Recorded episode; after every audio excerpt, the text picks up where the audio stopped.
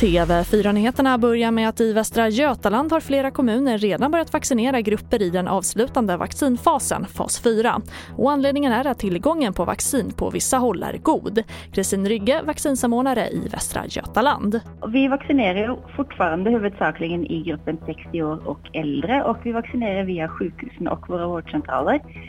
Men det är ju så att när man vaccinerar i gruppen 60 år och äldre så är det inte onaturligt att på några håll behöver man glida ner i nästa åldersgrupp och nu råkar det vara i nästa fas.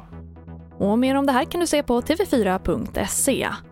Och Miljöpartiet vill se en jättesatsning på havsbaserad vindkraft. Partiets språkrör Per Bolund och Märta Stenevi skriver på DN Debatt att de vill ha nationell strategi med målet att vindkraftverken till havs ska ge 90 terawattimmar år 2040 vilket motsvarar två tredjedelar av dagens svenska elproduktion och dubbelt så mycket som kärnkraften ger.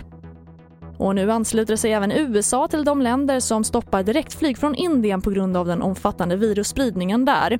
Drygt 400 000 smittade indier bara det senaste dygnet, vilket är den högsta siffran hittills.